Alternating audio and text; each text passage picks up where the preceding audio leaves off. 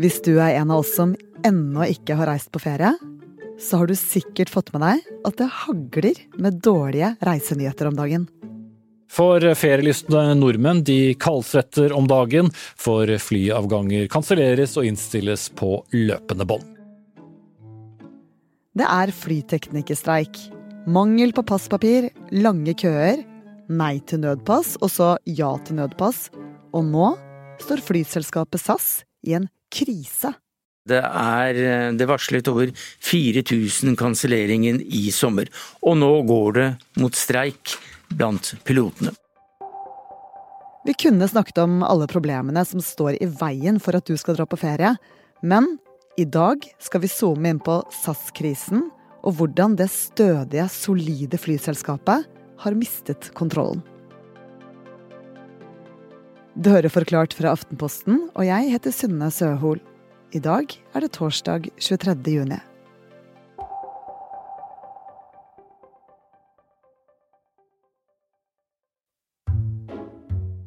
Jeg gleder meg fælt til å reise til Spania i sommer, eh, men da flyr jeg ikke med SAS, men med Flyr istedenfor. Og det er ikke eh, pga. streikefaren i SAS, men rett og slett fordi Flyr er klart billigst. Han du hørte her, heter Roar Valderhaug, og han er journalist i Aftenposten og har fulgt konfliktene i flyselskapet. Flyindustrien har nesten alltid problemer. Det er alltid en krise for flyindustrien. Flyselskapene har store faste kostnader, og de er veldig utsatt for eh, svikt i antallet reisende. Det har de hatt en rekke ganger opp gjennom årene. Vi kan kort her nevne 9-11-angrepet på USA i 2001, eh, finanskrisen i 2008, askeskyen over Island i 2010, og nå sist pandemien i 2020. SAS har hanglet seg gjennom alle disse krisene, men står kanskje nå foran sin eh, verste krise noensinne. I likhet med andre flyselskaper så rammet pandemien også SAS, som nå går med dundrende underskudd. For å overleve nedstenging og reiseforbud måtte SAS bl.a. si opp 450 piloter og lene seg på store statlige støttepakker. Og resultatet? Gigagjeld. SAS har en rekke problemer. Eh, først og fremst så strever de med for høye kostnader i forhold til inntektene sine. I tillegg har de altfor stor gjeld, de har rundt 40 milliarder svenske kroner i totalgjeld. Og sist, men ikke minst, så er de ledelsen i SAS i en helt ødeleggende konflikt med store deler av de ansatte.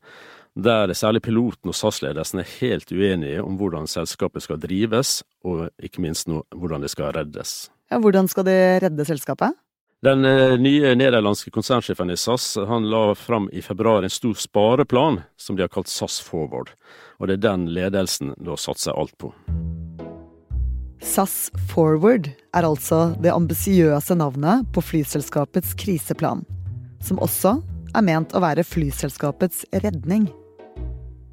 Planen er å kutte kostnader, gjøre om gjeld til aksjer, altså at utlånerne blir til aksjeeiere, innføre lengre arbeidsuker og kutte lønnen til pilotene og andre ansatte. En veldig viktig element i denne planen er at eh, SAS-ledelsen eh, vil satse på to nye lavprisselskaper innenfor eh, SAS-familien. De to heter SAS Connect og SAS Link, og de kommer vi sikkert til å få høre mye om fremover.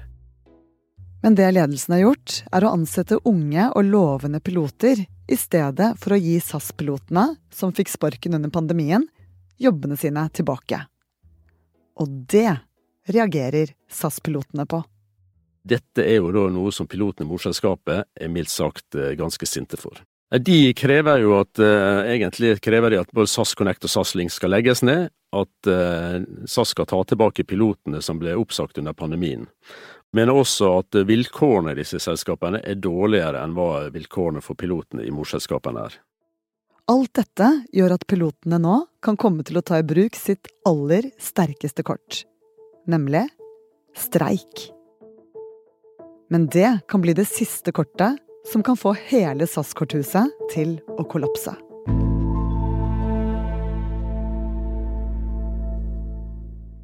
Natt til 29.6 kan det bli streik i SAS. Dette er fristen for å bli enige mellom ledelsen og pilotene. Inntil 900 piloter i Norge, Sverige og Danmark kan i verste fall da bli tatt ut uh, i streik. Hvor mange som faktisk blir tatt ut i streik fra 29.6, hvis det blir streik, det gjenstår å se. Det kommer an på hvor mange pilotene velger å ta ut for dagen. Ja, og hva skjer hvis det blir streik? Hvis det blir en full, stor streik, så, så er det en katastrofe for SAS. Da vil de fleste av flyene innenfor SAS-systemet stå på bakken, og analytikere har anslått at det vil koste SAS kanskje opp mot 80-100 millioner kroner om dagen.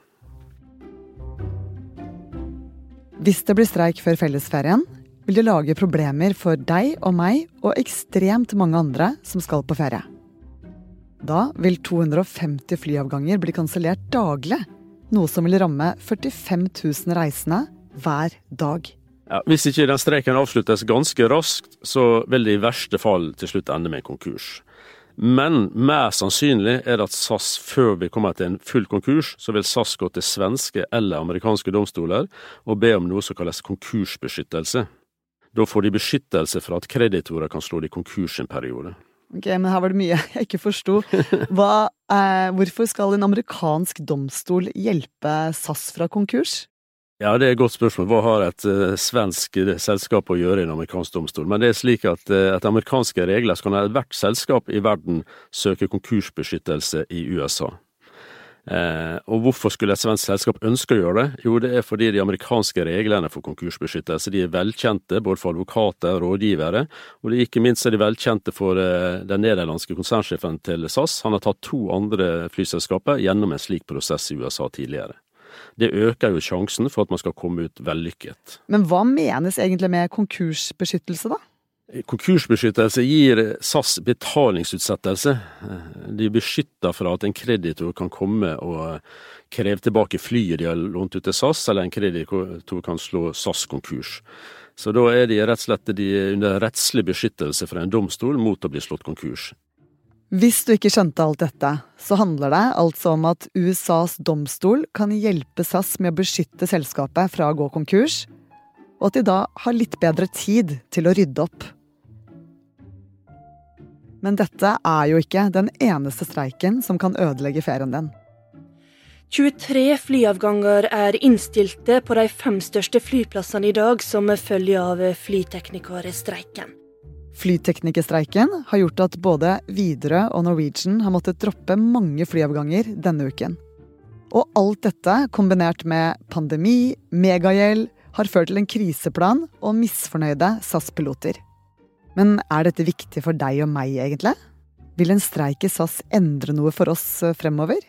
SAS er jo en veldig stor aktør eh, i Norden. For så har SAS hittil i år flydd over 1,3 millioner flere passasjerer enn Norwegian. Eh, vi glemmer ofte hvor stort SAS egentlig er. SAS flyr skandinaver direkte til rundt 120 destinasjoner i 31 land verden rundt. Så hvis SAS over natten blir borte, så vil dette gi eh, de reisende et mye dårligere tilbud eh, både internt i Skandinavia og ut av Skandinavia. I tillegg så eh, vil jo det føre til økte priser hos konkurrentene, fordi konkurransen blir dårligere. På lengre sikt så vil imidlertid helt garantert de fleste, iallfall de mest lønnsomme rutene til SAS, bli erstattet av andre flyselskaper som kommer inn og tar over. Men dette vil ta tid. Eh, det er ikke gjort å erstatte et så stort flyselskap over natten. Hva om eh, de ikke blir slått konkurs, da? Ja, igjen mest sannsynlig så blir det ikke en direkte konkurs i sommer uansett. Mer sannsynlig så vil det da komme inn under denne konkursbeskyttelse. I så fall vil selskapet kunne fortsette i den perioden å fly de fleste rutene sine, i alle fall de mest lønnsomme rutene, inntil det blir endelig avklart om eh, selskapet kan reddes. Så hva kan SAS gjøre for å komme seg ut av den krisen de er i nå? Altså Det klart beste er om SAS-ledelsen og pilotene kan bli enige før 29.6. Det er det definitivt det beste. Og jeg tror faktisk ennå at enten ledelsen eller pilotene vil bøye av før den tid. Fordi konsekvensen av en streik vil være så ødeleggende for alle parter. Men hvis ikke det skjer, Eh, så tror jeg at eh, SAS svenske konsernsjef mest trolig vil gå til en amerikansk domstol fordi han kjenner til de amerikanske reglene og be om konkursbeskyttelse. Men hvis en dommer til slutt finner ut at han ikke tror SAS kan reddes gjennom konkursbeskyttelse, så blir det konkurs. Men dette vil ta sin tid før vi kommer dit.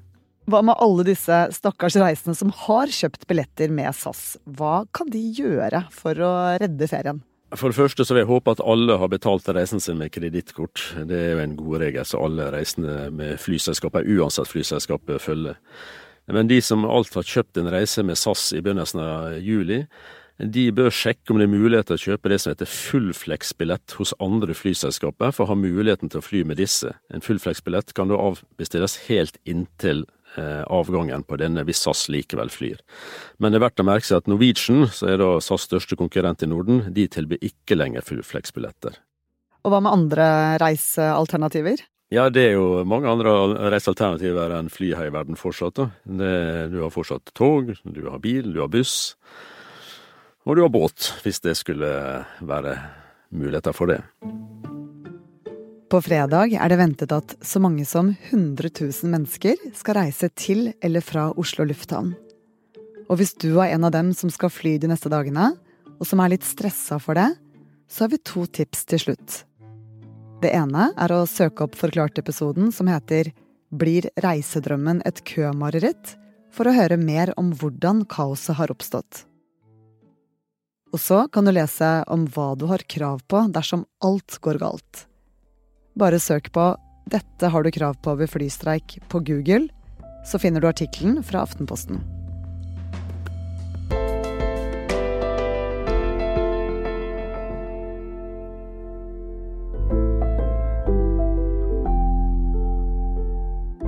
I denne episoden har du hørt journalist i Aftenposten Roar Valderhaug forklare SAS-krisen.